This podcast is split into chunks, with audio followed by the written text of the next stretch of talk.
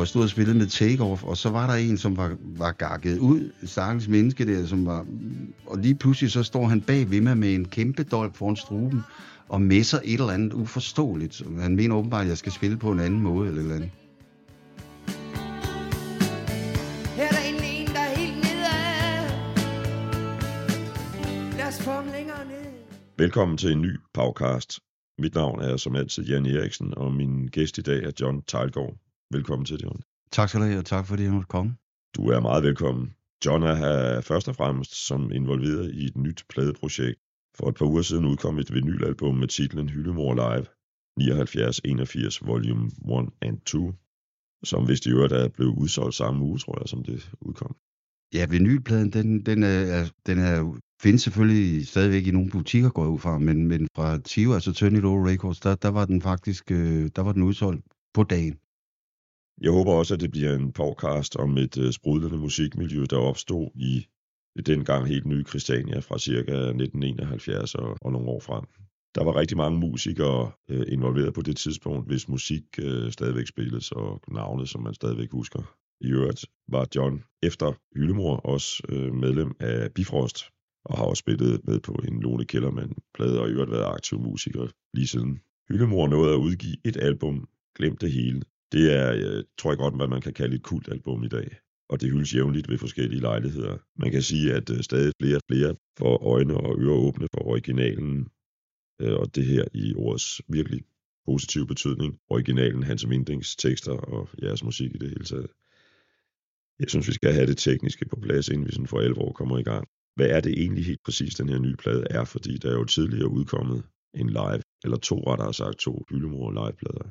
Ja, det var et projekt, vi havde i gang i, som, fordi jeg havde, vi havde jo vores lydmand, som, som var med os i mange år, Ole Lyd Rasmussen. Ja. Han havde jo det øh, fantastisk kørende med, han havde øh, revox med ud, når han lavede live-lyd.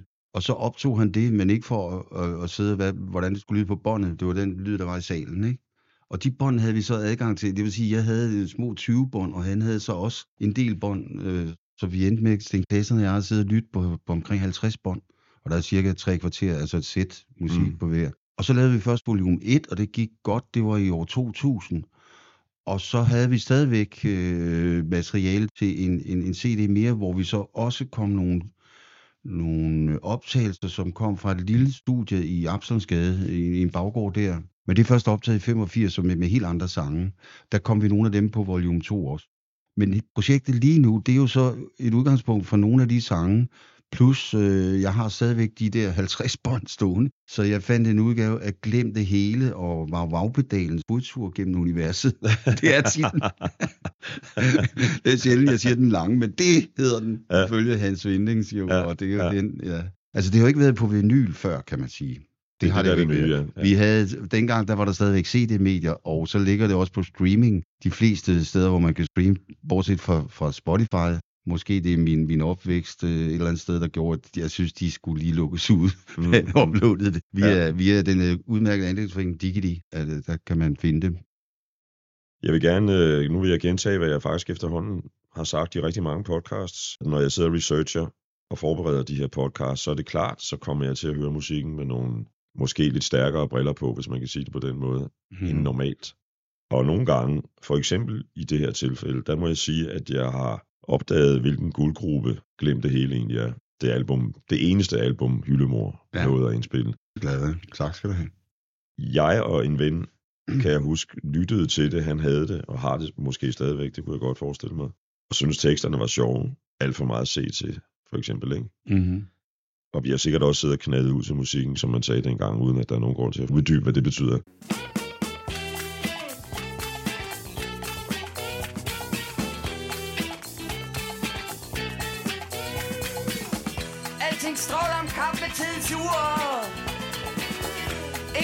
Ingen der mulig ud af det gyldne bur Kongen sidder til bords i den gyldne stol. Kigger ud af vinduet på den nedgående sol. Alt for meget at se til. Alt for meget at blive til. Der er alt for meget at gøre.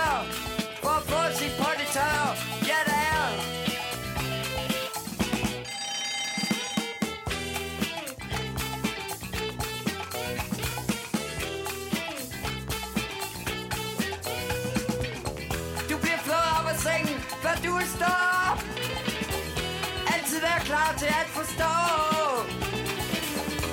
Altid være hurtig Aldrig få lov at sige stop Aldrig få lov at vågne rigtig op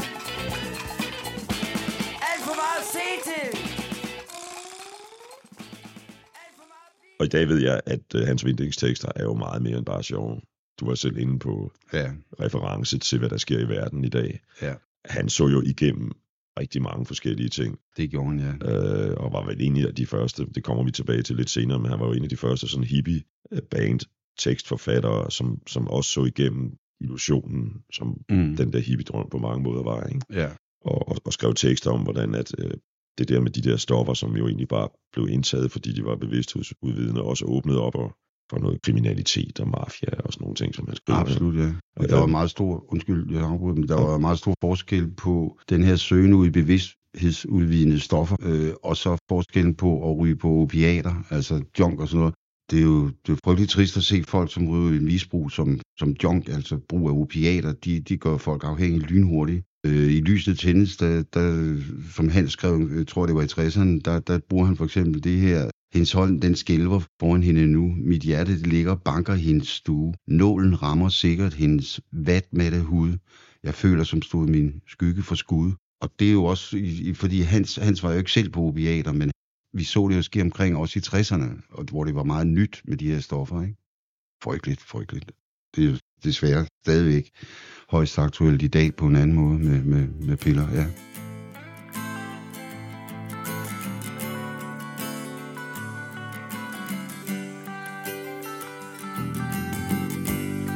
Kan se, dukker op. Øjne klister på hendes krop. Hun står her, og her står jeg. Regnbuemanden venter på det, jeg kalder dig. Seks egne flokker i kvarteret omkring. Seks øjne, øjner desperat i ring. Og lysene tændes, Og nu er det ved at blive rigtig koldt. Oppe på slottet er der sådan en rigtig vinterfest Flere og flere dukker op af sneen langt mod næst.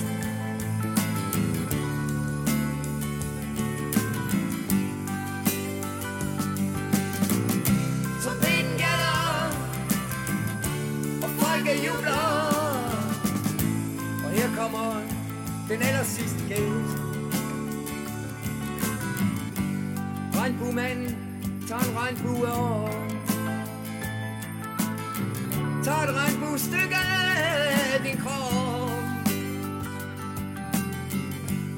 Ingen har råd til at skælde mellem løgn og sand.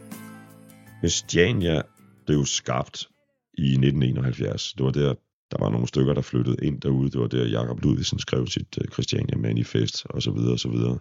De fleste, der interesserer sig for dansk rockhistorie, ved jo godt, at det var et utroligt livligt kreativt musikmiljø, der opstod i Det var det, ja. Hvordan var det, du fandt ind i det miljø? Jeg var med i, i en trio, som hed Takeover dengang, og vi havde boet lidt på, på, på landet, nede på Langeland og på Præstø og sådan noget, og lige pludselig var det der, så var Christiania åben, eller der var nogen, der havde budt plankeværket ned, og, og så videre, så videre. Så vi, vi, på et eller andet tidspunkt spiller vi nede i noget, der hed T-hus, som lå i Refshalevej, efter svinget sådan ud til, det, jeg tror, det hed Energiværksted eller sådan noget i dag.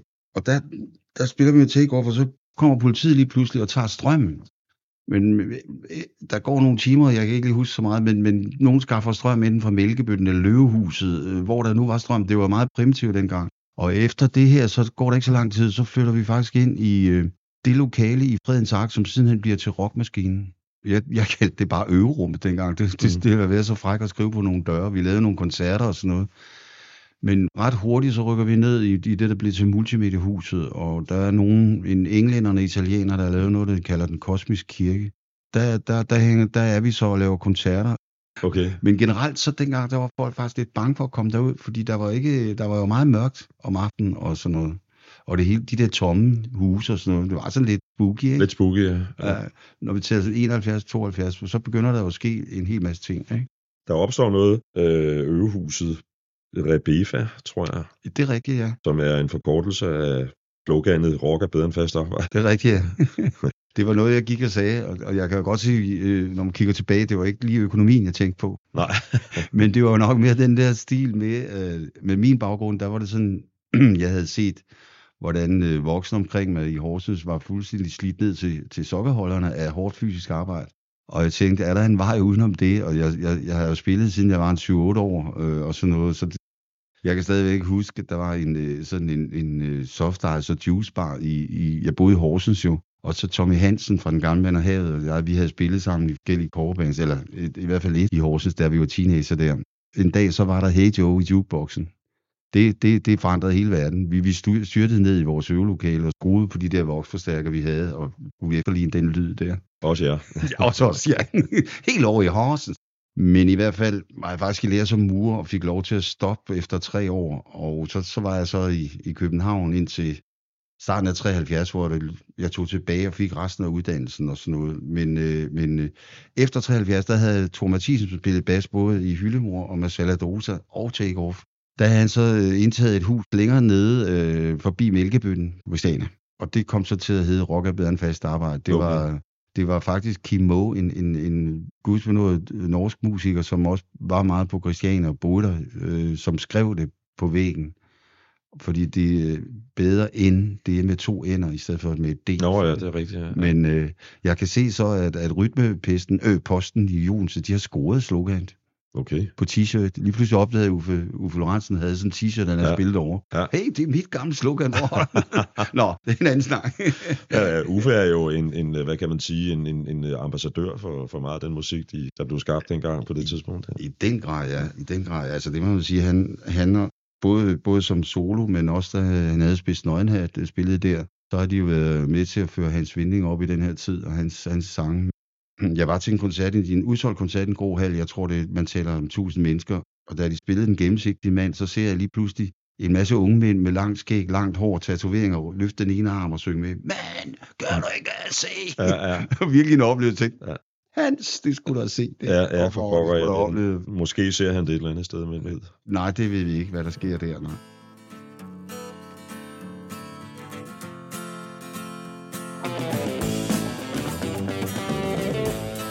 Var ryddet, og folk stod tavse.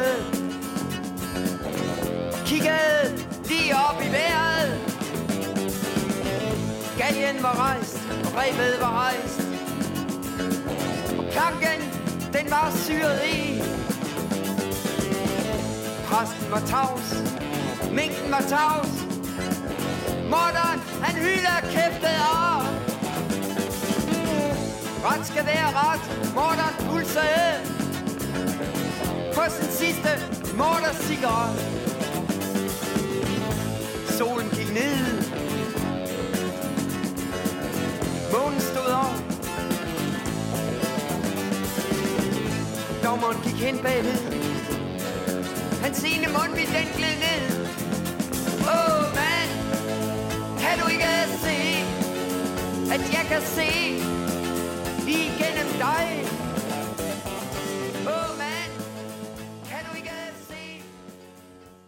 Nogen, i hvert fald jeg, har måske nogle gange haft det svært ved at adskille, hvad der var Christianshavn, og hvad der var Christiania, når nu, nu snakker jeg musikmiljøet. Nå ja, ja, Altså, vi ved jo alle sammen, vi ved alle sammen, at gasolin er Christianshavn. ja.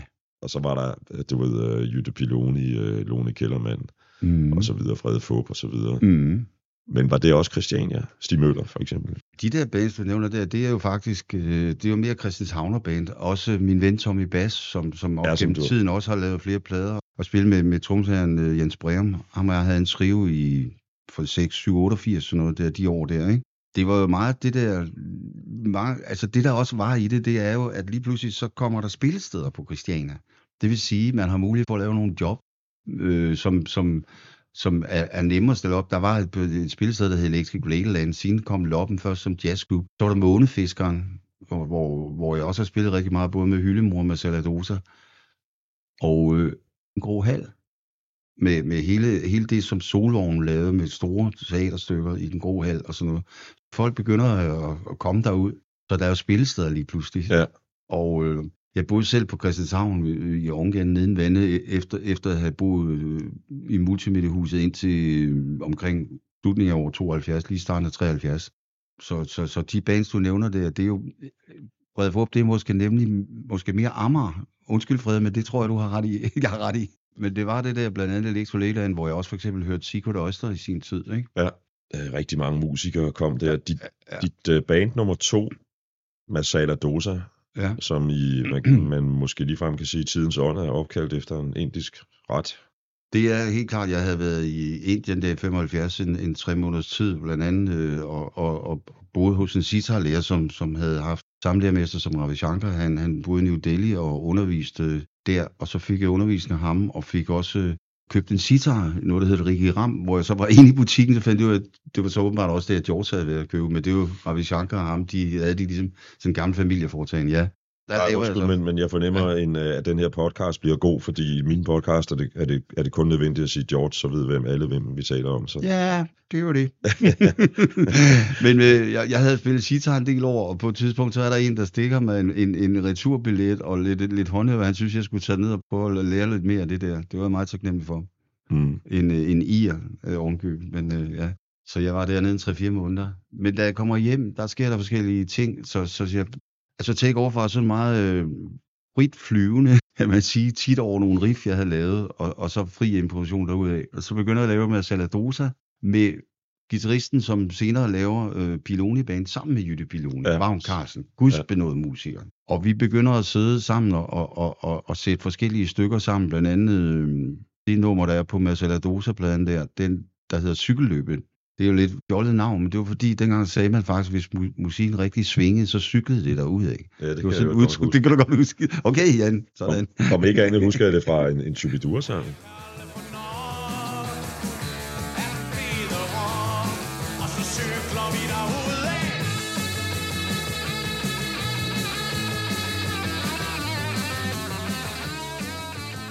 Jeg synes, vi skal lytte til et nummer med Mads Aladosa, jeg har fundet, nemlig Tryllemagt.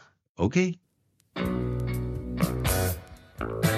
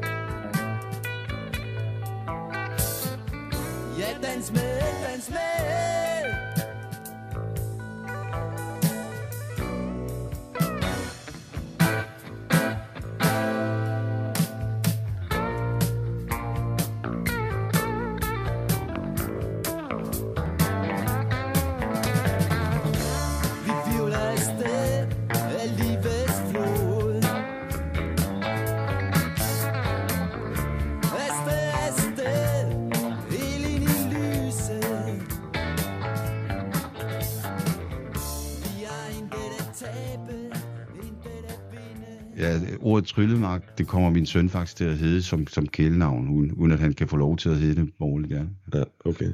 Vi hørte dig på guitar.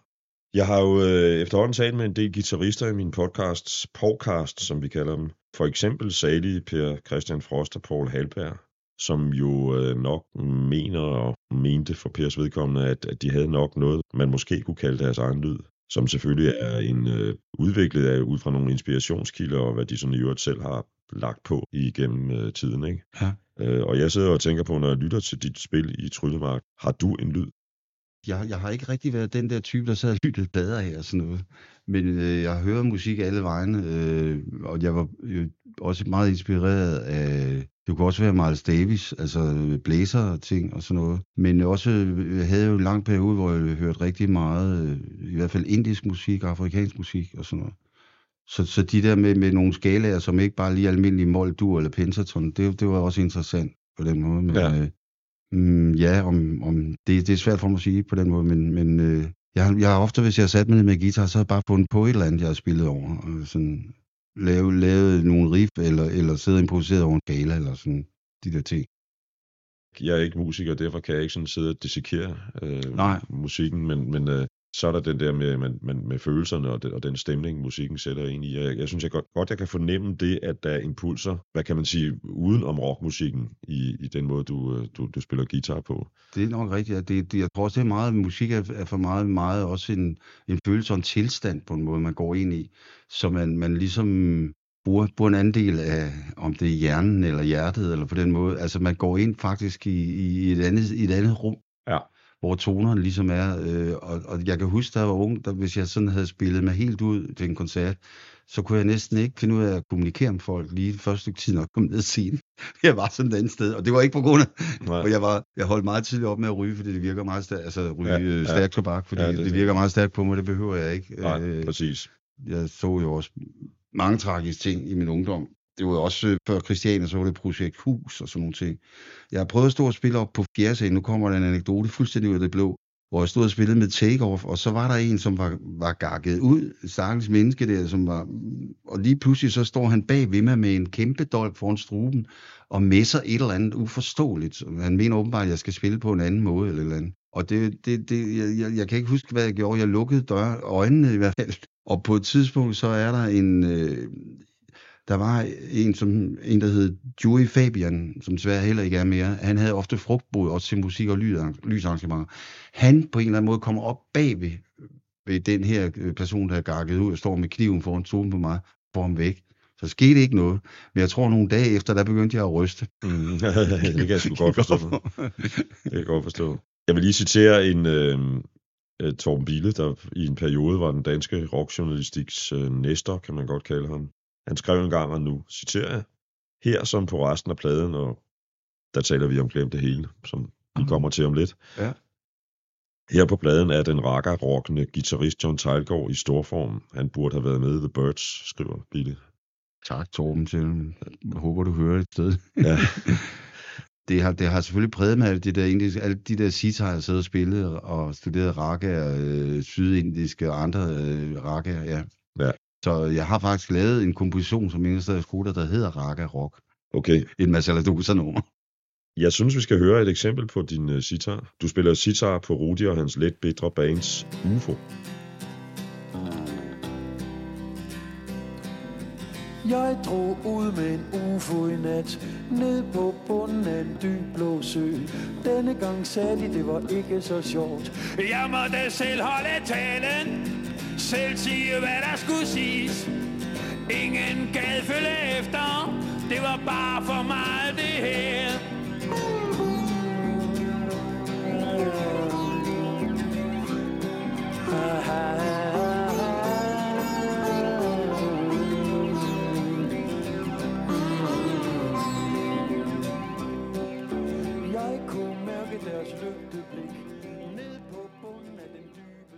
Altså, der er ikke nogen grund til i, i din sammenhæng at dvæle så meget ved Rudi og hans let bedre band. Det var, havde jo taget, taget navn efter bluesmusikeren Let Ja, ja. Alle sangene var skrevet af Bedre. Ja. Og så var det med danske Og tekster. så Rudi havde lavet danske tekster. Ja, nogle af dem ja, lidt, ja. lidt småfjollede. Men det er jo, altså igen, nu, nu, nu, nu brugte jeg udtrykket kult om, om, om Hyldemors album. Rudi er jo endnu mere kult.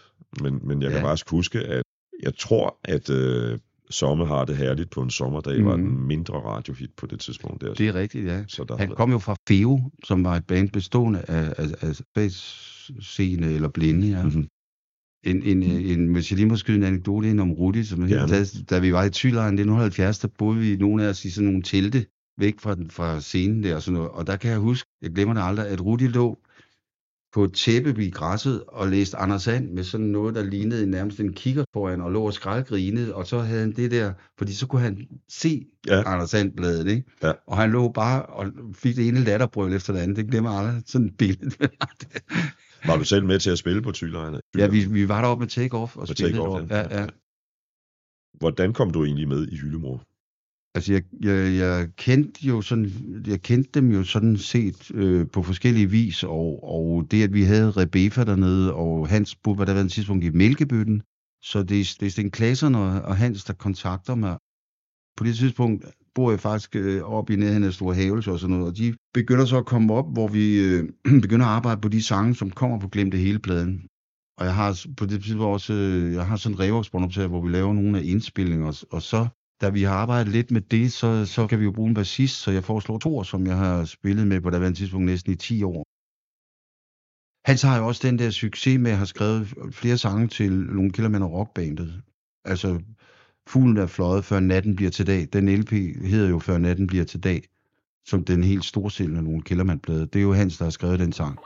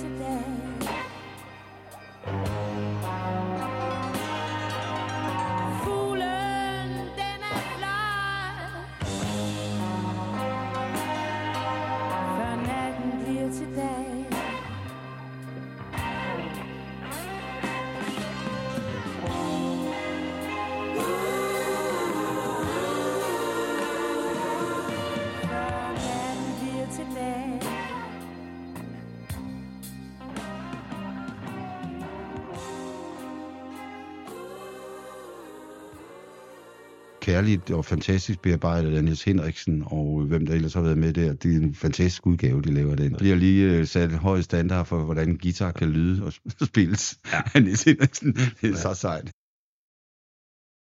Det var noget med en dame og Sten og Hans, hvem der så gik med. Det var ikke Hans, der scorede hende den nat. Nå, okay. det er aldrig rart. Fuglen er fløjet, før den Ja. anden bliver til dag. Ja. Mm. Som det allerede er fremgået, så var det absolute centrum, kan man vel sige, i Hyllemor Hans Vinding. Helt sikkert. Hans døde helt tilbage i 1999, i, faktisk på sin egen fødselsdag. Hans var både meget sensitiv og følsom, og samtidig et af de mest øh, empatiske og kærlige mennesker, jeg har kendt. Og det var han også i, i et, man kan sige, til tidligere hårdt musikmiljø, hvor egoernes kamp øh, var i spil der. Men på, på en god dag, når han trådte ind i et lokale, så var han ligesom en magnet. Alles opmærksomhed rettede sig mod ham, både når han var i festhumør, men også når han helst var fri og gerne bare ville krybe i skjul eller sidde lidt for sig selv. Sådan. Men, men når han øh, havde det godt, og så strålede han. Samlede han også rummet og fik alle til at føle sig godt tilpas, og øh, skulle han... Øh, skulle, han, skulle det være fest, så kan man sige, at Hans han var god til at sætte, sætte gang i festen. Og, øh, og det var ikke kun sådan, hvad skal man sige, en voksensfest. Jeg kan huske en børnefødselsdag, hvor han for eksempel kom ind af, ind ad døren med en vaskeægte tryllekunster med levende duer og alt det der plus lavkage og så videre. det, det, det, det, husker, det husker de børn stadigvæk. Ja. Sådan kunne han også være jo, ikke? Når han var plaget af, af smerter, det kunne være efter epileptisk anfald, eller livets hårde realiteter, så led han altså meget. Mm, så sagde hans følsomhed over for skyggesiden, ligesom helt uden på, på, på trøjet der, ikke? Ude på tøjet. Som mange kreative følsomme mennesker, så kunne han så også, der røg han ud i misbrug i perioder, for at dulme nerverne. Øh, og ja, rigelige mængder alkohol, det går jo ud over krop og sjæl, så det, det, det, det tog jo også hårdt på hans. Øh, man kan sige, hvor, hvorfor kunne han ikke øh, modtage hjælp, og øh, det er svært at svare på. Jeg ved, at, at vi var en del, der på hver vores måde prøvede at hjælpe ham. Men når du er fanget af mørket og, og øh, ramt af en depression, så kan det være svært jo at, at, at åbne eller modtage og række ud efter hjælp.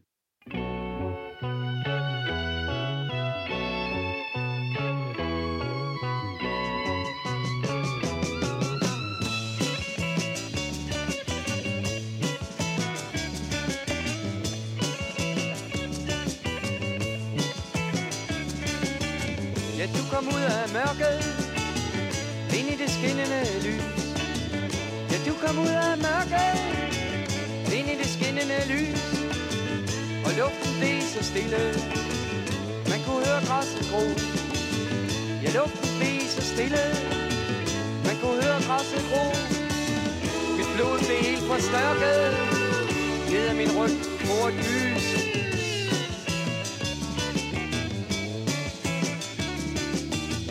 Og lige da jeg mærkede Min første vibration.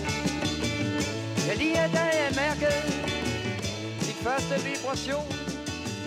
Jeg tænkte med det samme den til Altså han, hans, øh, kreativ, hans kreativitet fandt jo noget inspiration, eller man kan sige, det der kom, kom ud på papiret, og måske også som, som, som kunst, kunstmaler, det kom jo nogle steder fra, som, som ingen andre mennesker vil øh, rigtig have adgang til. Det er sådan, det præcis virker, rigtigt. når man sidder og, og, Præcis. og nærlæser hans tekster. Ikke? Jo, og det kan jo også være, øh, det kan jo samtidig være en byrde, og, øh, og, og på den måde se, øh, se ting, som andre ikke lige op, oplever og ser, ikke? Ja. Og det er helt klart taget hårdt på ham. Hvordan var egentlig gruppedynamikken i bandet? Altså han kom jo helt åbenlyst med teksterne. Ja, men også, ofte havde han også øh, melodien, øh, øh, som, som nogle gange blev der ændret nogle ting på, på akkordrækkefølgen og arrangementerne. Rytmen, men det var, det var et meget øh, fin form, hvor når man bød ind med noget, så, så, så, så kom det ofte til at passe. Altså, øh, Sten Klassen og jeg fandt på nogle riff, som, som mixede ind i hinanden. Der var også meget fri adgang til, når vi spillede live, så var der, Sten var en fantastisk solist på den der elektrisk violin også, Ja. og så kunne vi fyre nogle lange soloer af. Sådan noget. God kemi på den måde, fordi både Thor og Jens Breum var en enormt tight rytmegruppe. Og jeg behøvede ikke at kigge på Jens Breum. Jeg kunne godt høre på hans spil, når jeg godt måtte komme ned af den der solo, som ellers cyklede derud af i mine egne ører. Og så hvis man nu, nu, nu skulle vi lige lægge den ned og videre til næste vers, eller hvad vi nu skulle, eller slut her og sådan noget. Altså vi var meget samspil i den periode, de der 3-4 år der. Ikke? Det er jo det, man kan høre på det der live-album, Ja, ja, der lige er ja. udkommet. Ja. Og det var meget klubjobs, vi spillede. Modsat, hvor jeg samtidig spillede med Bifort, så var det tit sådan sportshaller og større steder. Øh, Ja. ja. det, det gør en forskel. Altså, du spiller en svedig job på Loppen, eller Hansens Kælder i Odense, eller Paramount, de der steder, vi nu har været dengang. Ja, ikke? eller, eller, eller hallen i Fredericia, eller sådan noget. Ja, ja, sådan, altså det, ja, det, det er stor forskel for det.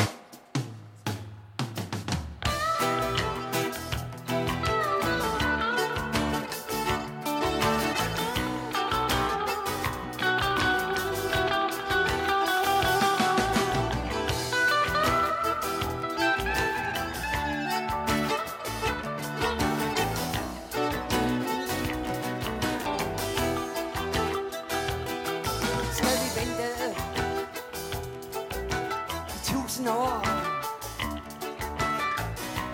På at få begynde Skal vi altid Gå rundt omkring? Og bare være til bøn. Skal vi altid Sige nej, nej, nej?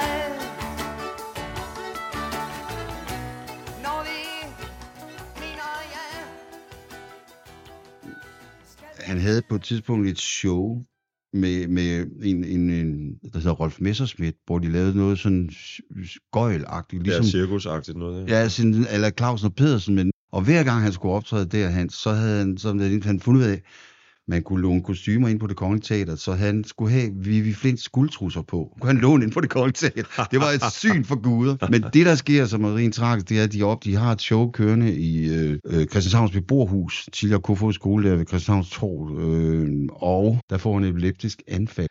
Altså, han faldt om på scenen og vred sig i kramper. Og, og til klart publikum troede bare, han lavede sjov, at det var en del af det her show, øh, som de var i gang med. Her kan man sige, sang Lysene tændes, øh, som han skrev mange år før, før den her begivenhed, øh, eller, det anfald.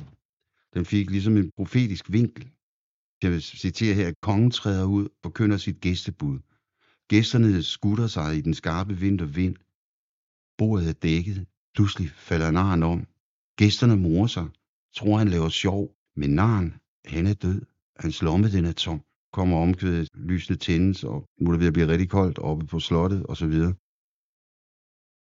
Jeg kan anbefale alle at prøve at kigge på det site, der hedder hansvinding.dk.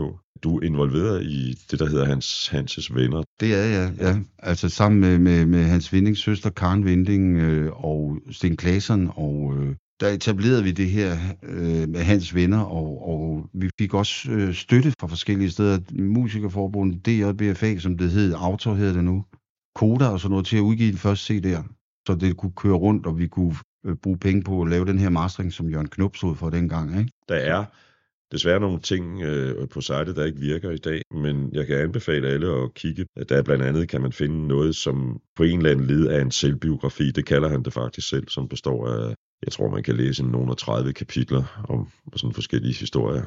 Ja. Og, og, og man kan også se hans poesi på, på, på sitet, og man kan jo se, at på overfladen virker det måske meget syret, især for generationer, der er kommet efter. Mm.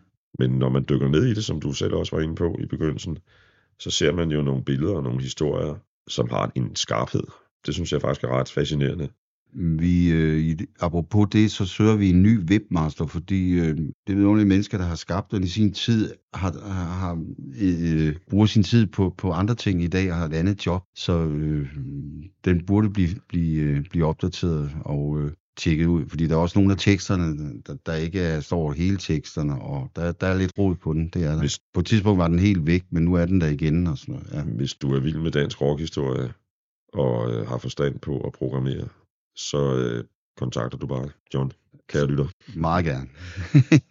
Øh, jeg nævnte Torben Bille citat fra, fra øh, hans blog. På samme site, der skriver gitarristen Jens Thorning, som var med i flere versioner af Hyllemor, at inspirationen, og nu citerer jeg, nu taler vi den musikalske inspiration, var Bob Dylan, Joan Baez, Burt Jans, Pentacle, Fairport Convention og Richard Thompson og Incredible String Band.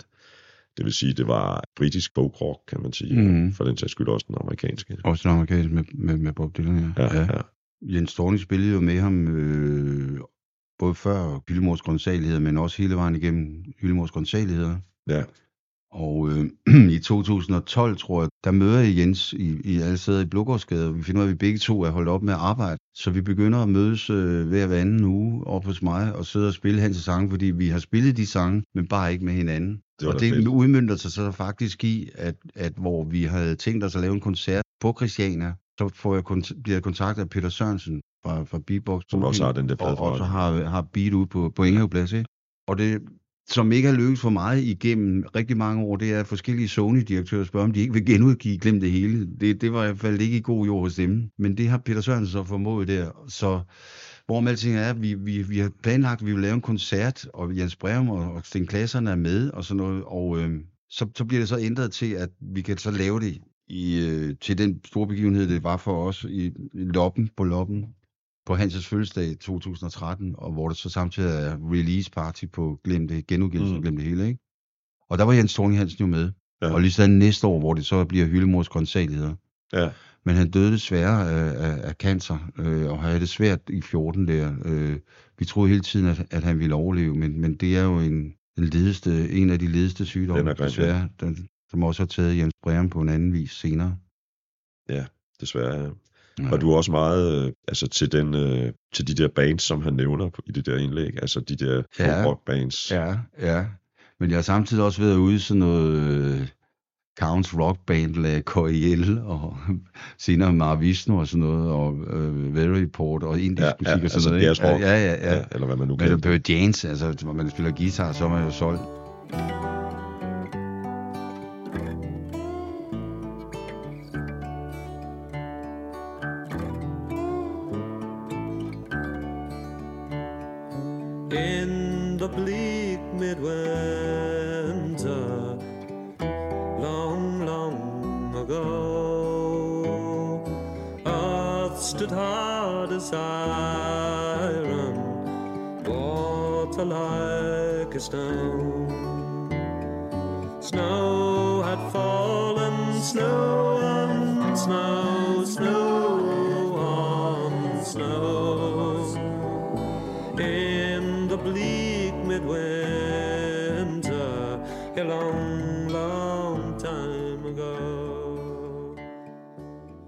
Nok meget øh, et, et, et, den der type, som lytter mere efter musikken, end efter teksterne. I hvert fald dengang. Hvis vi tager den gennemsigtige mand, og nu kommer jeg så til at snakke lidt om lyrikken, så er det jo tydeligt, for mig i hvert fald, jeg tror det er tydeligt, at han så også var inspireret af Dylan. Der er jo noget, både ballad, der var Thin Man og, Rolling, og Like a Rolling Stone i, i den sang, men så, og måske også lidt The Kings er Well Respected Man, men så alligevel ikke. Hans Vinding fabulerer i andre retninger også, ikke? Det er jo ikke bare et, Mm. Modsat de andre sange, det er jo ikke bare sådan en, en, en spiden. Det handler jo lige så meget om ham selv. Mm. Det kan jeg godt lide. Mm. Mm. Mm. Altså, den, der, er en, der er en nuance der et eller andet sted, ikke? Ja. Og så har den som måske også noget med noget med krig, og måske er det 2. verdenskrig, vi snakker om, måske er det Vietnamkrigen, hvem ved. Men i hvert fald er der også det der aspekt i det, ikke? Jeg synes, vi skal høre et, et andet nummer, som hedder Solløs Morgen. Åh oh, ja.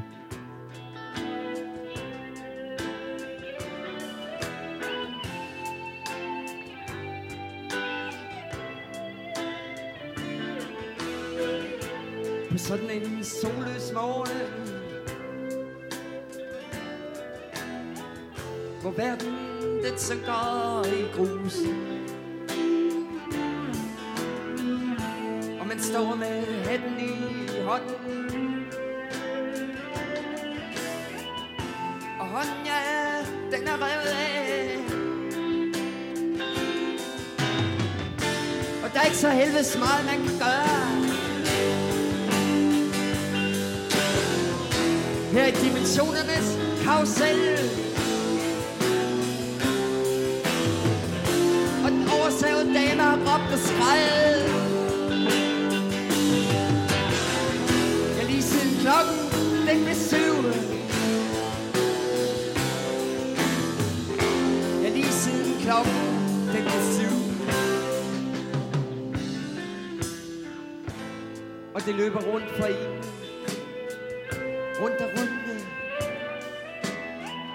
her i denne morgenstund.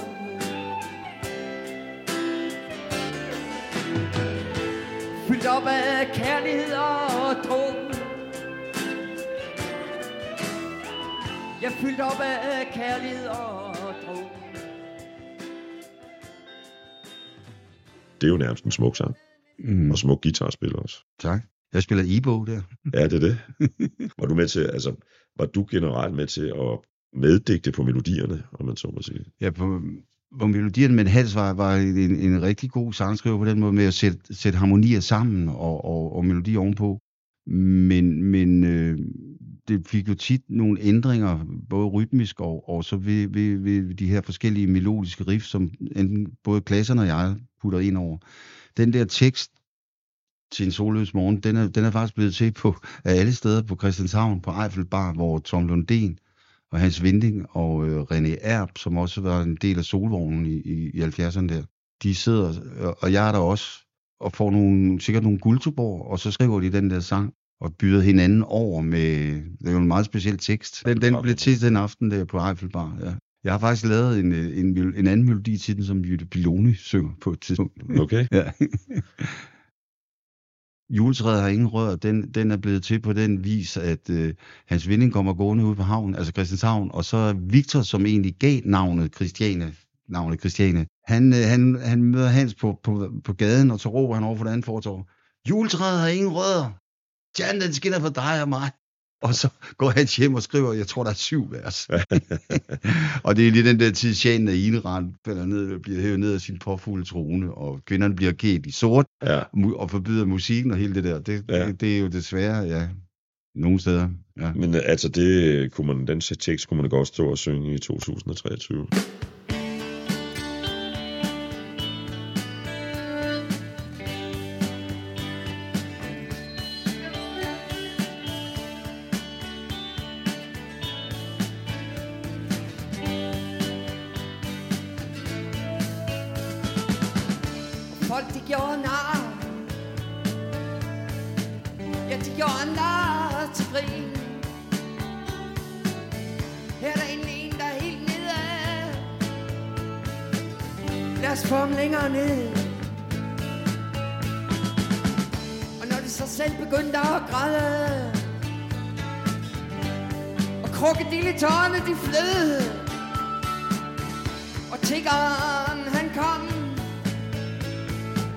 så var der ingen, der gav ham brød. Da juletræet, det er ingen rødder.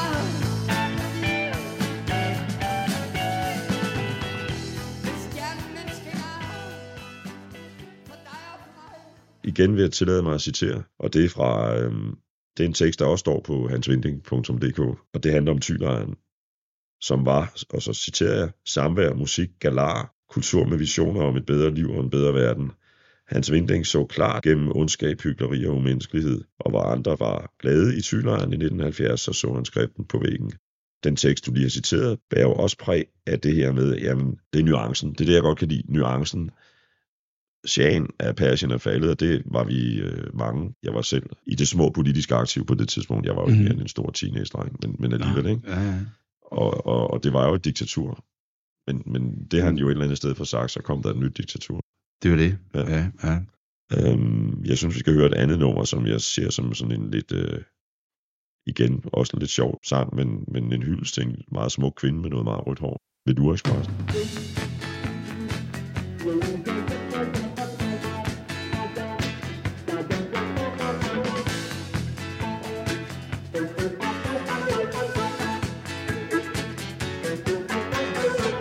Expressen? Se, går hun frækker og flot. Og hun ved, det er alt for godt. Lange støvler, kjole af velur. Alle byens mænd, de stopper lurer. Når hun ned ad gaden går. Med sit lange ræberøde hår. Lange støvler, kjole af velur. Alle byens mænd, de står på lurer. Ja, hun er alle mændenes trøst. Hvis du ser en, får du gratis kys. Lange støvler, kjole af velur. Alle byens mænd, de står på lure.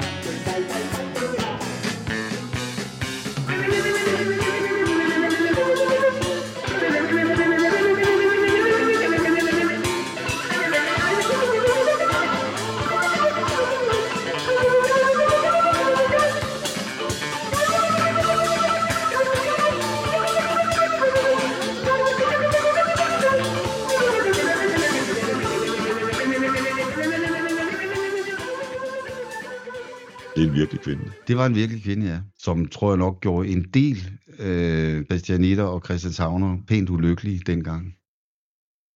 Hun er desværre gået bort for mange år siden. Ja, ja. Men der var jo den der mode, øh, ja, dengang med velurtøj. Der var mange, mange piger, der sad og syede velurbukser, der, ja. velurskjorter og øh, alt muligt andet. Det var, det var ikke kun en Københavns eller Christianshavns fænomen. Så så Djurslands spillemændene kom til København. Så var de også klædt i velur.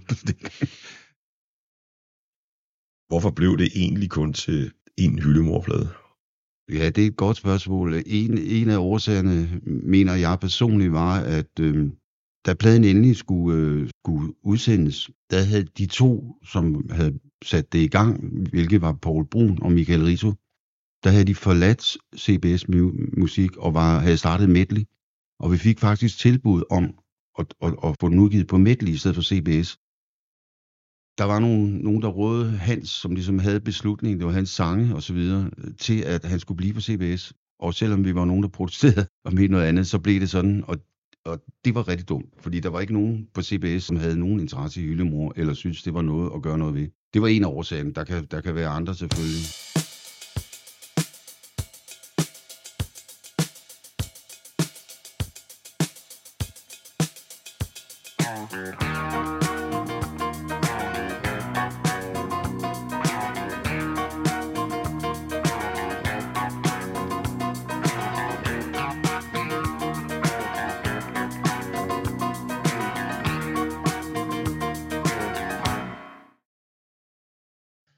Kommer med i Bifrost. Hvordan skete det?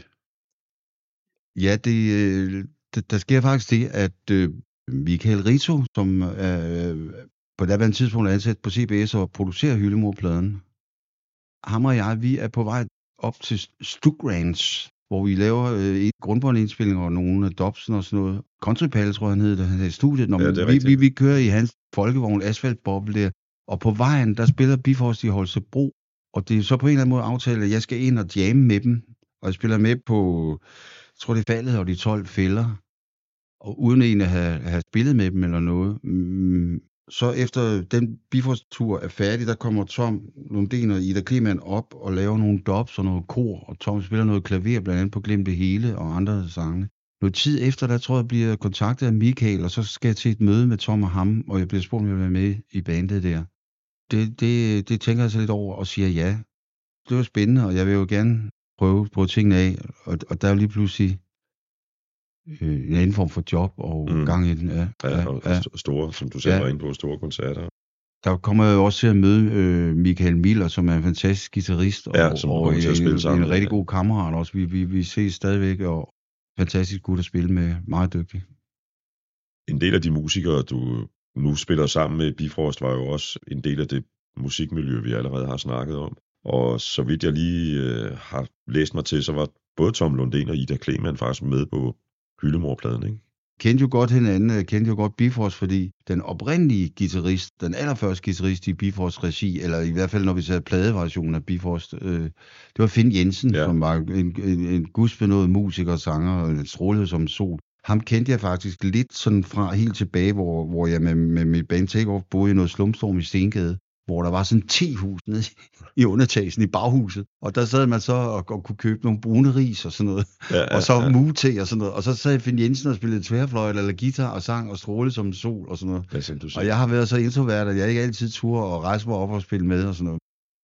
Første album, du er med på med Bifrost, det er Læn dem ikke ud. Ja, det er rigtigt, ja. Det er et album, som jeg øh, har et meget personligt forhold til. Det er muligvis mest kendt for Det morgen, Mm-hmm. og I nat vil jeg leve, og måske også et, et, et, et 10-års gyldighed. Ja. På det tidspunkt, da den plade stort set lige var udkommet, der mødte jeg min, øh, en kæreste, som nu er min øh, hustru. Mm-hmm. I hendes øh, lille, hvad kan man sige, afdeling af kassettebånd, der fandt jeg den her plade, og den blev spillet meget. Mm-hmm.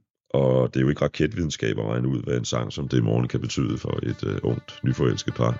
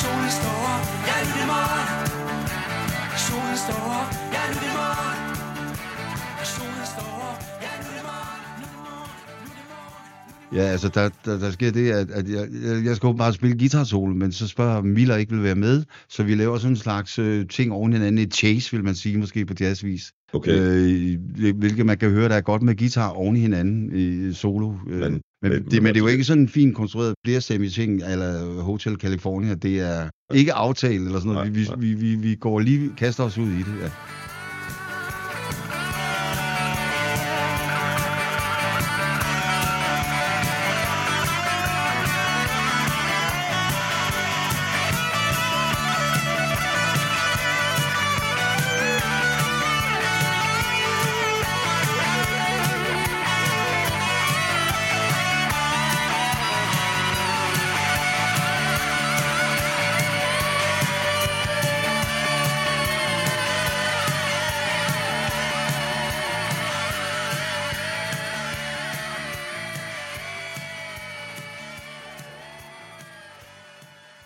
Bifrost plader fra det første i 77 og så et stykke vej op i 80'erne har i det hele taget en meget stor plads hos mig. Øh, Det kan nogle gange kan det være en udfordring for en lytter med musikere, der udgiver så mange facetterede, nuancerede musik som Bifrost. Man kan spørge sig selv, hvad er egentlig deres lyd? Noget af det synes jeg er fedt, og noget af det synes jeg måske rammer ved siden af, hvem jeg er. Mm-hmm. Øh, og man kunne sammenligne, hvis vi nu griber helt op på den allerøverste hylde med The Beatles, ikke, som også var meget varieret. Altså, jeg synes med et moderne ord, diversiteten var Bifrost til stor styrke. Snakker vi guitar, ikke? Der er et, øh, som jeg altid synes lød lidt Wishbone Ass-agtigt rocknummer, som faldet Ja. med Ben Jensen. Ja, Fantastisk guitar det på det nummer. fede riff. Du, Ja. da, da, da, da, da. Ja, altså, Det det, sidder lige i skabet. det, og det river jo en med lige fra begyndelsen af. Ikke? Øh, Så er vi helt over i en anden grøft med Ida Clemens utrolig smukke sang, Sara for eksempel. Ikke? Mm. som en af de øh, smukkeste danske rock sange tekster, Mm. mm. jeg kender. Jensens og Annapurnas Nardans for eksempel, som er Ja, noget det helt er- andet. Det, Ja, ja. der er vi ude i sådan noget lidt TV-folk-agtigt Mm. mm. musik. Ikke? ja. Og alle Lundens mange sange med både stor dybde og nogle lag af både filosofisk og spirituel art ofte imellem. Det kunne være ret krasse, og det kunne også være kærlighedstekster, det kunne også være ren pop, som Hey Maria for eksempel. Ikke? Bifrost rummede utrolig mange ting, og så skal man lige for at afslutte min lille tale, jeg er øvrigt ved at være hæs, så derfor bør jeg nok også holde- min mund snart, så skal man også lige huske at rose de producer og teknikere, der var med på det tidspunkt, som var med Absolut. til at løfte rock Ja. lige der sidst i 70'erne. Ikke? Altså, du har selv nævnt Rito, det kunne også være Paul Brun, som du også har nævnt. Men øh, Flemming- i Bifrost Flemming var det også og øh, Stig Stig ja. Og, og Flemming Rasmussen også. Ja.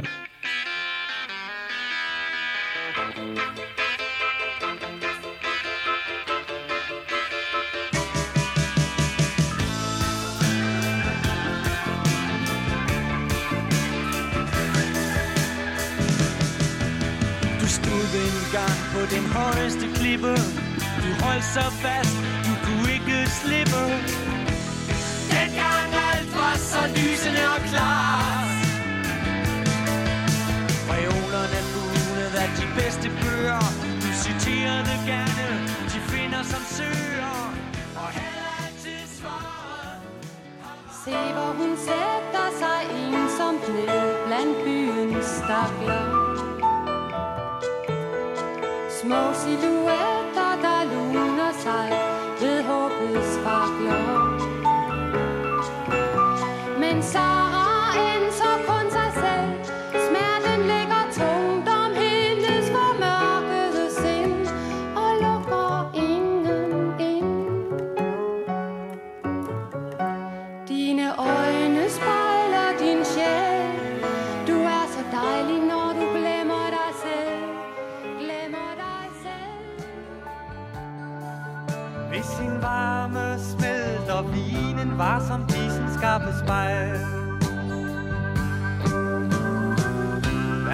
under ved sit frie fald Hver klippekant så stejl Fra dit fangenskab i bjergets frysehus Nu banes vej. Og du klubbliger løber ned ad bakken Som en bæk i leg. Vejene kalder den mig hen til dig Og i nat har jeg brug for en kærlig ven. Du har plejet din ensomhed og jeg vil ikke være alene igen, Maria. Hey, Maria, luk vinduet op. Lad vinden blæse den gamle fanfare. Hør Maria, den synger for dig. Der er intet, vi to ikke kan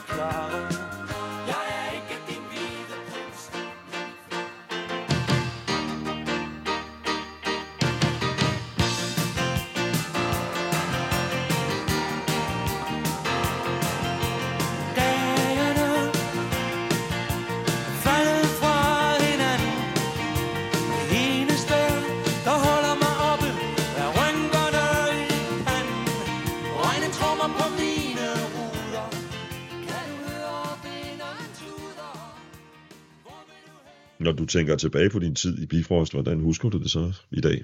Det var en meget, meget fantastisk tid. Øh, jeg var faktisk syv år i, i den sammenhæng. Til sidst gik, gik det, altså som, som magien kan godt forsvinde, fordi man ligesom har brugt hinanden. Øh, øh, der er ikke mere ligesom, der er ikke mere, man kan give hinanden inspirationsmæssigt. Så den sidste plade øh, var sgu ikke noget at skrive hjem om, den sidste jeg var med på. Jeg kan huske, at, at det gik meget sådan, øh, der blev brugt meget tid på, var det nu tight, eller var det ikke tight, og så videre, og så videre. Og jeg kan huske, at vi havde indspillet grundbånd, så kom Jeppe Reiburt hjem efter en lang rejse i USA og sagde, hvad fanden har I gjort? Altså det svinge, der tog afsted, det gør det ikke mere. Magien var lidt forsvundet der. Generelt op til det var det en fantastisk tid, Ja. øh, synes jeg, og meget, meget øh, god stemning, der var. Lige da jeg kom med, der var der nogle, nogle uoverensstemmelser mellem de første, den første del af, den første variation af, af, af Bifrost. Og så kom der jo ligesom en, en anden variation også, hvor, hvor det igen blev noget andet, fordi at det blev lige pludselig Knud Henriksen og Jeppe Reiburt, der var rytmegruppen. Og så fik det også en anden stil. Tiden var noget andet, vi var kommet op i 180-81 eller sådan noget, ikke? Den sidste Bisborgsplade, som jeg faktisk ikke rigtig kendte i forvejen, hvis jeg skal være helt ærlig, jeg lyttede lidt til den i aftes, den bærer efter min smag lovlig meget præg af, at vi nu er oppe i 80'erne med sequencer og alt muligt andet. Ja, ja. Og det, det er meget kompresset og, og, og Ja, ja, ja. Det, det går lidt ud over den der diversitet, som jeg snakkede om. Ja, ja. Inden da, der var Kassen og Hjertet, som nok øh, mener, det er den Bifrostplade, der er solgt mest. Ja, det er vist rigtigt, ja. Den, Ja, og så øh, en intro kopi bagefter, som, som stikker mere ud i andre retninger, og også eksperimenterer lidt, og som det synes jeg også var, var en spændende tid også ja, ja, ja. at være med til. Man skulle sætte nogle ord på den magi, du snakkede om i Bifrost. Hvad var det så egentlig? Mm, ja, altså for det første, så, så er både Tom Lundin og, og Ida Kleman jo nogle fantastiske sangskriver øh, på hver deres måde, og, og jeg tror også har været stor inspiration for hinanden. Ida havde så typisk øh, måske to sange med på en plade, og Tom var, var det væltede Ja, ud af som, Det som man siger over Jylland, han rystede bare ærmet, så kom der en sang. Ja. Fordi der var også politisk sang, som kreditorernes indtogsmars og sådan nogle Ja, ja, altså, ja, ja. andre, andre øh, ribbet og flået. Og, Ja, det og, var og sådan meget selvironisk sang, faktisk. Ja, ja, ja. Du ja. har jo taget et par, et par CD'er med til mig, og i øvrigt tak for det. Og jeg kan se, at du har jo også været involveret. Du var selv inde på det med, med Tommy Bass på et tidspunkt. Og, og Ja. da, da den her, hvad kan vi kalde det, et soundtrack til en, en teaterforestilling, er det vel? Ja, det her Get the Picture, ja. Ja. Ja, det er, ja, nej, det er det sådan set ikke. Det er bare øh, nogle improvisationer med, med Jonny Axelsson og Torben Andersen og jeg. Og så er der en anden, hvor det er Olofsson, en bassist, og så Gabriel Rækker på harpe. Som, som, og, så Torben Andersen, som jeg spillede med i Bifrost. Det, det, det er helt gamle Bifrost. Det kan han var med fra starten, og til og med læn dem ikke ud. Kom et brud der jo. Ja, det det, du var de inde på før, ja. oprindelige Ja. rytmegruppen Anna Purner og Torben Andersen, ikke? Altså man kan godt, synes jeg, der bare lytter. Lyttede meget til de der tre første plader faktisk, især. Ja. Ikke? Ja. Man kan godt høre, der er en lidt anden lyd på Ja. ja. dem ikke Ja. ud, end Ja. de to første. Det, det, det, det bliver en, en, en helt anden, eller en meget anderledes, ja. ja. Det blev Mhm. lidt, måske lidt dårligt udtryk, men jeg synes faktisk, at lyden blev sådan lidt lysere. Jeg tror måske også, at Stig Kreuzfeldt havde en, en del af æren der. Fantastisk arbejde med Stig Kreuzfeldt i, ja. I studiet. Første gang, jeg arbejdede sammen med ham rigtigt, det var faktisk på Hyllemor, fordi øh, vi lavede nogle overdubs, så det blev mixet ude i Sweet Science. Og så havde jeg sådan det der riff på, på det der nummer, øh, hver gang jeg ser dig som stjerneskud, jeg, jeg bliver, bliver jeg så glad. Da, da, da, da, da, så siger han, prøv lige at lave en anden stemme og sådan noget. Det, altså, han var, jeg kom jo fra Masaldosa Takeoff, det var ikke popmusik, jeg havde Nej. den store. Altså, der fik jeg bare lige en gave der. Ja. efter jeg holdt op med Bifrost, så gik der noget tid, så, så kontaktede Tommy Bass, som, som jeg faktisk øh, har kendt. Han var den første bassist i Takeoff, da jeg lige kom til København. Okay, ja. Gennem årene har han, har han spillet med Jens Breum i forskellige sammenhænge. Den første, så, lavede, så var han begyndt at spille bas igen og synge samtidig og lave nogle nye sange. En af de første job, vi havde i, i Musikcaféen, der, der blev der op, optaget, og så nogle år efter, der kom han til mig med det her bånd, Ja, alle det siger, skal vi- nu prøve at digitalisere det. Så det ligger også på streamingmedierne, alle streamingmedier nu. Ja.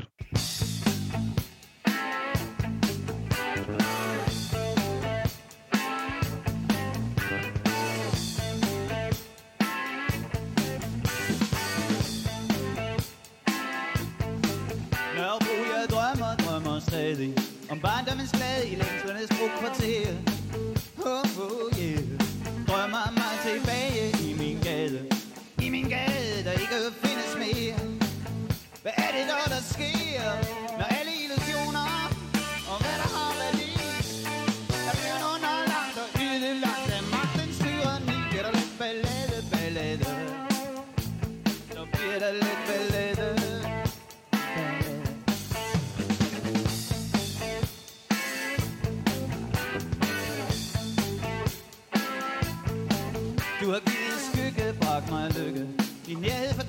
Fortabtes aldrig, hvad